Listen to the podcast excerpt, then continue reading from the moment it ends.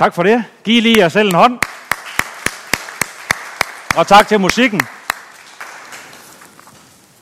Fantastisk, modigt og stærkt comeback til, øh, ja, det er jo min egen generation, bliver jeg nødt til at sige jo. Stærkt.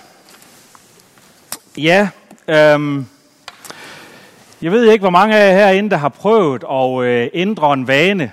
Kan ikke lige prøve at række hånden op? Det kan være, at man har prøvet at stoppe med at ryge, eller et eller andet i den stil der, eller løbetræning, hvad nu beslutter sig for. Det er der mange af os, der har i hvert fald. Og øh, jeg kan også godt afsløre, at jeg selv har prøvet nogle gange. Jeg tror, jeg har måske øh, tabt mig en, i stedet mellem 100 og 150 kilo eller sådan noget i løbet af mit liv i hvert fald. Lidt af dem er blevet taget på igen hen ad vejen. Um, jeg har også engang holdt op med at ryge. Um, det holder heldigvis. Og øh, det var også enormt svært at holde op med at ryge, sjovt nok. Det er jo mærkeligt, når man nu tænker på, hvor irrationelt det er at ryge. Øh, og nu er det sådan, så jeg er ikke sådan en super fanatisk anti-ryger fyr. Men øh, jeg prøver bare lige at kigge ind, og for mit eget vedkommende i hvert fald, så er det super irrationelt, fordi at, øh, det smager faktisk ikke godt, øh, før man har vendt sig til. Det kan også være lidt svært at begynde at ryge, faktisk. Øh, det koster mange penge at ryge. Man kan genere mange andre mennesker med det. Øh, I dag er det svært at få lov at ryge nogle steder overhovedet, og øh, man kan jo dø af det i den sidste ende jo. Men selvom det er så irrationelt, så var det enormt svært at holde op, og det krævede rigtig mange forsøg for mit vedkommende. Det var en rejse hen over en årrække, før jeg kunne holde op med at, at, at, at ryge dengang. Det kan også være andre ting, som vi har lyst til at ændre. Det kan være, at vi kunne tænke os at ændre vores livsstil. Det kan være, at vi gerne vil motionere noget mere, eller ændre andre ting i vores, i vores måde. Men, men det, jeg synes, der er fælles for de ting her, det er jo typisk, så har vi en motivation for at ændre noget til det bedre. Vi, vi er motiveret, for vi ved godt, at det er bedre for mig at ændre det, og alligevel, alligevel kan det være svært at ændre noget. Her i kirken er vi i gang med øh, en serie over Galaterbrevet. Og jeg tror, det er fjerde gang i dag, at, øh, at vi taler over det, og vi er kommet sådan til et, et, et godt stykke ned i kapitel 3. Og Galaterbrevet, det handler faktisk rigtig meget om det her. Um, det handler om, at Paulus han skriver til, uh, til menigheden i Galatien, uh, om at de ikke godt vil, uh, for de har fået tilbagefald. De har jo uh, fået og modtaget Jesus og Helligånden, og er optændt af, at det nu er nåden, vi lever under, og det ikke længere er loven, de lever under. Hvor der, de skal leve op til en hel masse ting. De er fri fra den trældom og slaveri, som loven fastholdt dem i, øh, som jøder og israelitter. Øh, men de har fået tilbagefald, selvom det er den her fantastiske gave, som jeg tænker, der faktisk ikke engang kan sidestilles med at holde op med at ryge, eller holde op med at drikke, eller hvad det er, man har brug for. En fantastisk gave, at vi ved noget har fået det evige liv. Og alligevel, så falder galaterne tilbage. Og det er det brev, det handler om. Igennem hele brevet her, der prøver Paulus på flere forskellige måder at fortælle galaterne, at de skal vende sig bort fra det gamle. Der er nogen i menigheden, der prøver på at rive dem tilbage til loven. Nok ikke af ond vilje, men sikkert fordi, at det er så svært at lægge vanerne til side. Og det er, det er det, han prøver på igennem hele brevet. Og han gør det nok måske på en 4-5-6 forskellige måder igennem hele brevet, så det er enormt svært at, at, at skal finde på noget nyt egentlig i dag. Så derfor har jeg bare kopieret sidste søndag. Nej, det har jeg ikke. Men han siger det selvfølgelig på mange forskellige måder, og der er selvfølgelig også de her perspektiver, vi kan dykke lidt ned i, og det er det, som jeg prøver at gøre i dag. Prøv at dykke ned i nogle af perspektiverne til nogle af de ting, som, som Paulus siger, og prøv at dykke ned i det her fra, det er fra vers, øh, nu skal vi lige have den her, 15 og til vers øh, 29, øh, vi skal læse i dag i kapitel 3. Og øh, det, den måde, jeg vil gøre det på, det er lige, jeg vil, jeg vil starte med at læse øh, hele, hele teksten for i dag. Og så, øh, så vil jeg tage det lidt trin for trin bagefter og dykke ned i det. Så når der så går halvanden, to timer, så er vi ved at være hen ved enden øh, af den del af det. Og så, øh, hvis der er nogle spørgsmål, så, øh, så må I tage det med Lars, når præsten han er tilbage. Men inden vi går i gang, så synes jeg lige, at øh, vi skal bede øh, en kort bøn. Gud, jeg beder om, at du vil åbne vores hjerter for dit budskab.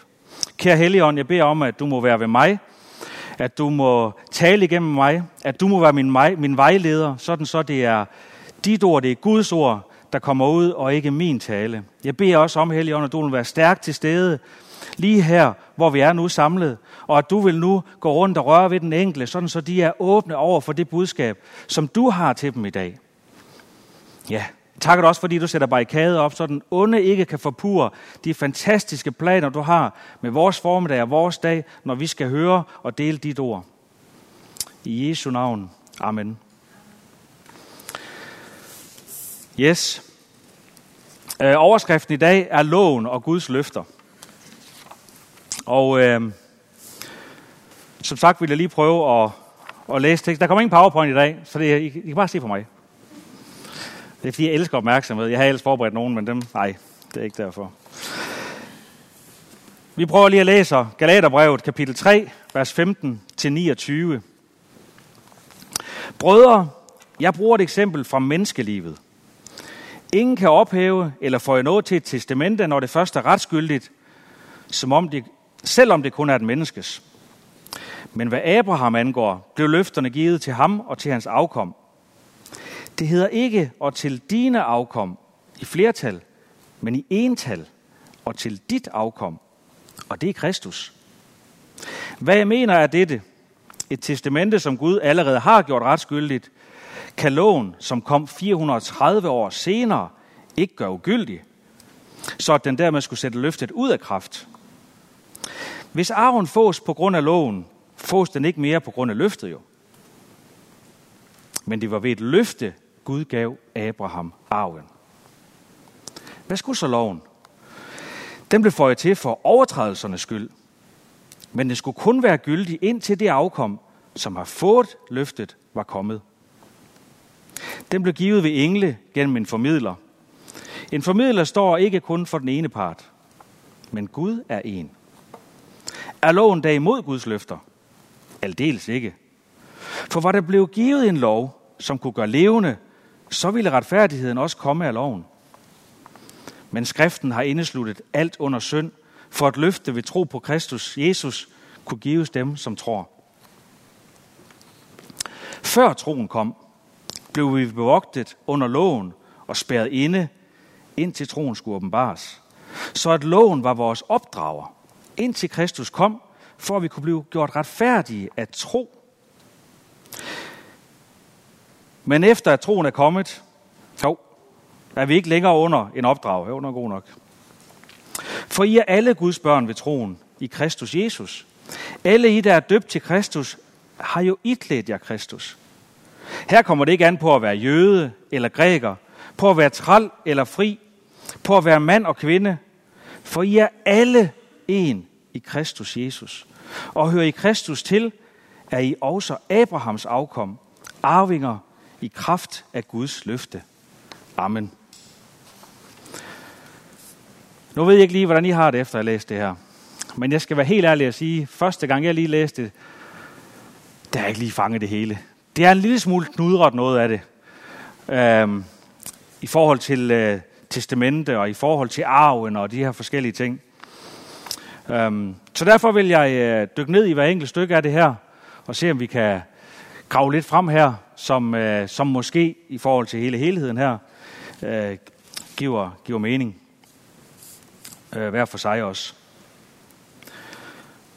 Vi starter med, øh, med, de første, med de første par vers her. Jeg læser det lige igen. Det er jo meget godt i tråd med det egentlig, det Paulus han gør i hele Galaterbrevet. Vi siger det lige en gang til, bare på en anden måde. Så jeg tænker egentlig, Paulus han synes, det er helt i ånden, at, øh, at vi tager det nogle gange. Vers 15. Brødre, jeg bruger et eksempel fra menneskelivet. Ingen kan ophæve eller få noget til et testamente, når det først er retsgyldigt. Selvom det kun er et menneskes. Og så kommer det fra det her stykke, som jeg godt vil fokusere lidt på. Men hvad Abraham angår, blev løfterne givet til ham og til hans afkom. Det hedder ikke og til dine afkom i flertal, men i ental og til dit afkom. Og det er Kristus. Jeg tænkte lige da jeg læste det her, ah, jeg har, nu har jeg været lidt mere i børnekirken og sådan nogle ting. Og der ved du i hvert fald, at en af de historier, der altid fortælles om Abraham, det er jo alle de her stjerner her. Alle hans afkom. Det skal blive kæmpestort masse efterkommere. Og øh, så derfor tænker jeg lige, hvad er der lige her, at der er et link imellem, direkte mellem Abraham og Jesus øh, i den tekst her. Um, og hvor, hvor, hvor kommer det egentlig fra? det her link. Men den er så set god nok. Det er ikke Paulus, der, der er galt på, når han... Det er også rigtigt nok, at Abraham stadigvæk skal have mange efterkommere. Men der tales på et tidspunkt om den her specielle efterkommer, der faktisk kommer efter Abraham. Og det kan vi læse i, i første øh, Mosebog. Nu tager jeg den lige på hverdagsdansk, den her. Desuden vil alle jordens, nej, første Mosebog, kapitel 22, vers 18. Desuden vil alle jordens folkeslag blive velsignet gennem en af dine efterkommere, fordi du adlede mig. En af dine efterkommere. Det er klart, at når vi tager Abraham, så dem, der tror, som Abraham troede, det jeg synes der er interessant, det er også, at loven er slet ikke kommet endnu på Abrahams tid. Og alligevel får han Guds velsignelse. Det har han ikke gjort noget andet, end han har troet på Gud og hans løfter. Og det bliver også understreget, hvis vi kan huske teksten fra sidste uge, det kan vi selvfølgelig alle sammen, hvor det var sådan, at, at øh, Anders også øh, talte om det her med, at, at det var troen, som Abraham havde, Abraham havde, som der gjorde, at han fik velsignelserne. Det var ikke noget, han gjorde, men det var, fordi han troede på Abrahams løfter. Han troede bare. Jamen, det er rigtigt. Eller undskyld, troede på Guds løfter. Hvis Gud har sagt det her, så tror jeg på det. Jeg kan godt lide at lave sådan lidt en parallel her til, øh, man kan sige, Abraham, han troede på Gud. Når vi tror på Jesus, jo, som er Gud, så har vi samme tro som Abraham. Det er den samme tro, vi har ved at tro på Jesus. Men hvad var så lige der skete i mellemtiden? Fordi vi det er ligesom, vi kom lidt tilbage til det. Kan I følge det? At Abraham troede, nu er vi tilbage til at tro på Jesus og er fri for loven. Vi ved jo godt, hvad der skete i mellemtiden. Som der er sket så mange gange i hele historien med, at som mennesker bliver utro og falder bort og får brug for, at Gud han kommer og redder os, tager initiativ til at redde os igen. Enten ved loven, som kom igennem Moses og så videre, eller igennem alle mulige andre forskellige ting, han hele tiden tager initiativ til. Så det ved vi godt, hvad der skete der. Nu skal vi lige høre lidt, hvad, øh, Paulus så siger videre i vers 17. Hvad jeg mener er dette. Et testamente, som Gud allerede har gjort retskyldigt, kan loven, som kom 430 år senere, ikke gøre ugyldigt, så at den dermed skulle sætte løftet ud af kraft. Løftet, skråstrej troen på Gud. Hvis arven fås på grund af loven, fås den ikke mere på grund af løftet. Så hvis man tror, at arven fås på grund af loven, så sætter man jo Guds løfte ud af kraft. Men det var ved et løfte, Gud gav Abraham arven, slutter Paulus. Og det var lidt noget af det, som, som måske også betalte om i sidste uge, så det vil ikke også meget ved. Men det her, det, endnu, det sætter endnu gang bare en streg under, at troen på Guds løfter står over loven til hver en tid. Guds løfter, troen på Gud, står til enhver tid over loven. Men hvad skal de så med loven? Hvad, havde, hvad, hvad, hvad var loven til for? Det spørgsmål stiller Paulus også tilfældigvis. I kapitel 19 siger han, hvad skulle så loven? Den blev føjet til for vores overtrædelsers skyld, men det skulle kun være gyldig, indtil det afkom, som havde fået løftet, var kommet. Springer lidt vers over og hopper til vers 23. Før troen kom, blev vi bevogtet under loven og spærret inde, indtil troen skulle åbenbares. Igen har jeg selv tilladt mig at tilføje i parentes. Indtil troen skulle åbenbares igen. For den var jo helt åbenbaret for Abraham. Troen på Gud og på hans løfter. Så at loven var vores opdrager indtil Kristus kom, for at vi kunne blive retfærdiggjorte af tro. Men efter at troen er kommet, er vi ikke længere under en opdrager. Hmm. Så her sætter Paulus lige loven ud af kraft. Siger, vi er ikke længere under en opdrager, loven gælder ikke længere. Og han siger også, nu, han siger jo sådan set også det her med, loven er til for at blive brudt. Det hører man som til nogen, der siger, har I hørt det? Fartgrænser. Nej, det var loven er til bare for at blive brudt. Så hører man som til nogen, der siger, måske også nogen, der siger fartgrænser, men det er jo loven, sådan set jo. Er til for at blive brudt. Det har jeg ikke lige regnet med, at jeg lige skulle læse i Bibelen også. Øhm. Men hvad mener bare Paulus egentlig? Ja, det Paulus han mener, det er selvfølgelig, at vi bliver nødt til at have en eller anden målestok for vi ligesom måske ved, hvad der er rigtigt og forkert. Og det er også det, Anders han talte om i sidste uge, i forhold til det her med, at loven er en opdrager, som gør os opmærksom på, jamen det her, det er nok dumt at gøre. Og det er alt sådan, det er alt sammen noget, der er fornuftigt, selvom vi ikke bryder os om at have love og regler, så tænker vi, at det er også træls, nu må jeg ikke det, og nu skal jeg heller ikke det der. Men det er alt sammen noget, der giver mening, der er godt for os. Hvis vi lige går tilbage til min indledning, jamen er det godt at ryge som sådan for mig og mit helbred og i det hele taget? Nej, det er det ikke. Så det er godt, hvis der er sådan, jeg siger, hvis der var en lov, der sagde, at du skal ikke ryge, for eksempel. Og det er det samme med de love, der blev givet. Det var alt sammen noget, der ligger op til at sige, lad lægge nu alt det der væk der. Det tager fokus fra, at vi kan være sammen og have fællesskab sammen på en ordentlig måde, og have fællesskab med Gud også på en ordentlig måde. Så det var det, loven den kom som, som en opdrager. Så vi har en målestok for, hvad der er rigtigt og forkert. Um, hvor mange af jer, der har børn herinde? Kan I lige række hånden op? Yes. Det har jeg også. Jeg har godt nok kun fire, men alligevel så kender jeg godt øh, den her situation, hvor man kommer ind i stuen, og så sidder en af børnene og har lavet verdens flotteste tegning på den nye sofa. Og er lige så stolt, og det, det lyser ud af øjnene, når det er, som man kommer ind i stuen, og det er, se hvad jeg har lavet, er det ikke flot? Og det er det ikke. øh, mest fordi det er på sofaen, ikke? Og det er selvfølgelig forkert at tegne på sofaen. Men barnet ved jo rent faktisk ikke, det forkerte tegn på sofaen. Vi har ikke på et tidspunkt sagt sammen, bare nu skal du være, du må ikke lov at tegne på sofaen. For det første, den alder, de har, når de gør det, så er det heller ikke sikkert, at de helt forstår det, hvis så endelig man sagde det til dem. Så vi bliver nødt til at have en forståelse for, at der er noget, der er forkert. Det kunne også være eksempler, hvor de har hævet det hele ud i køkkenet. Alle gryder, fundet sukkeret og melet og æggen og det hele, og slået det hele ud på gulvet derude. Er stolt over, at de nu er ved at bage en kage til mor, fordi så blev hun glad, du. Fordi det har hun så tit gjort for dem. Yes, det er måske heller ikke det rigtige. Ja, det er nogle lette eksempler at forholde sig til, og sådan er det jo for eksempel med børn jo. Det er lidt svært lige, hvis ikke man ved, hvad der er rigtigt og forkert, det er en del af ens opdragelse, så kan man heller ikke øh, vide, at det er forkert, det man gør. Og det er, jo den, det er jo den funktion, loven havde. Det var at lære os, hvad er rigtigt og forkert som mennesker.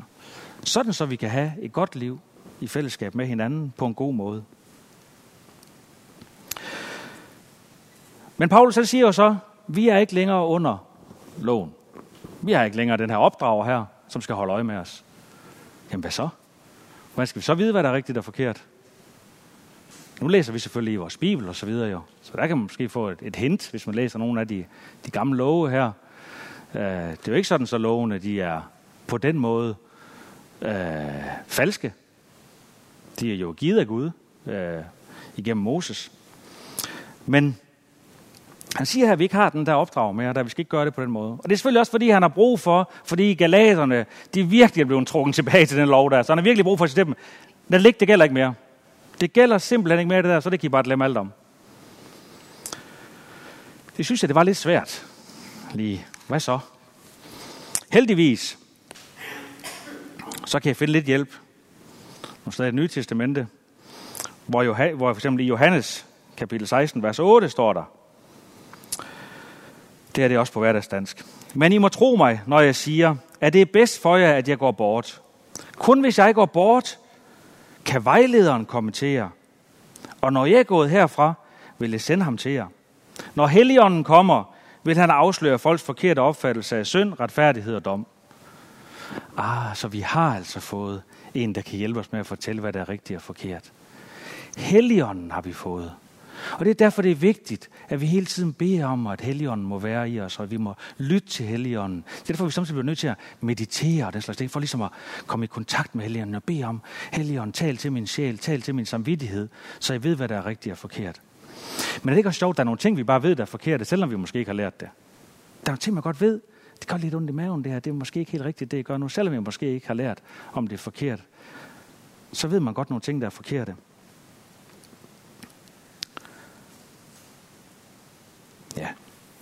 Så når vi tager imod Jesus, hvis ikke man har taget imod Jesus nu, når man tager imod Jesus, så kan vi jo blive døbt, men vi bliver også døbt af Helligånden.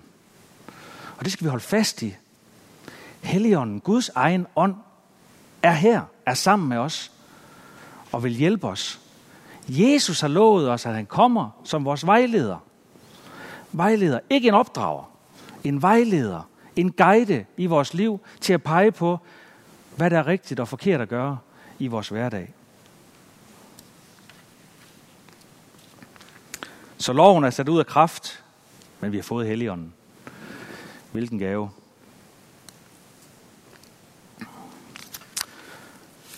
Det sidste, vi skal dykke ned i, det er, det er afslutningen her på, øh, på Galaterbrevet, øh, kapitel, kapitel 3, vers 26. For I alle Guds børn ved troen i Kristus Jesus. Alle I, der er døbt til Kristus, har jo iklædt jer Kristus. Her kommer det ikke an på at være jøde eller græker, på at være træl eller fri, på at være mand og kvinde, for I er en i Kristus Jesus. Og hører I Kristus til, er I også Abrahams afkom, arvinger i kraft af Guds løfte. Wow. To af de mest hotte buzzwords i dag, det er diversitet og mangfoldighed. Hører vi ikke det hele tiden? Diversitet og mangfoldighed. Og det bliver brugt på alle mulige måder. Både på nogle gode måder, og måske også på nogle forkerte måder. Det ser ud som om, at både Gud og Paulus, de også går ind for mangfoldighed i hvert fald. Fordi Jesus er for alle. Om du er mand eller kvinde, hvad for en race du er, etnicitet, om du er rig eller fattig, så er Jesus for alle. Det er for alle. Og vi skal invitere alle ind til at tage del i det fællesskab.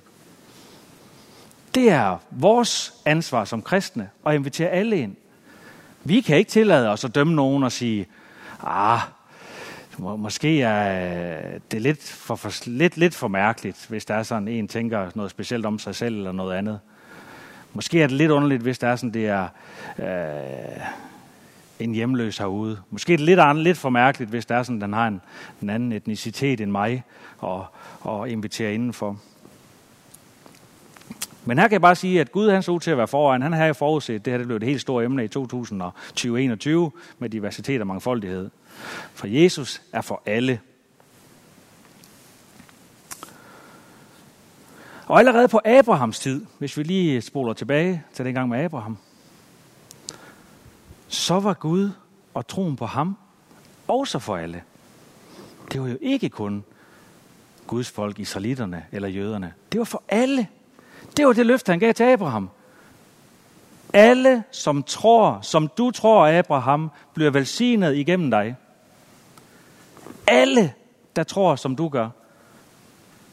Der er jo for mig at se absolut ingen forskel på det, og så den Jesus, vi tror på nu.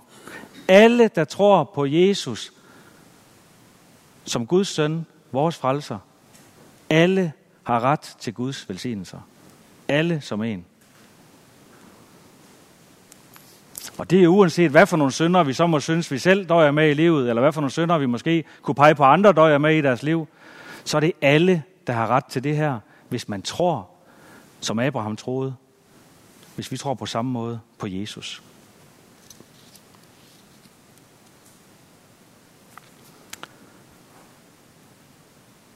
Jeg tror, det er slutten der. Og så vil jeg øh,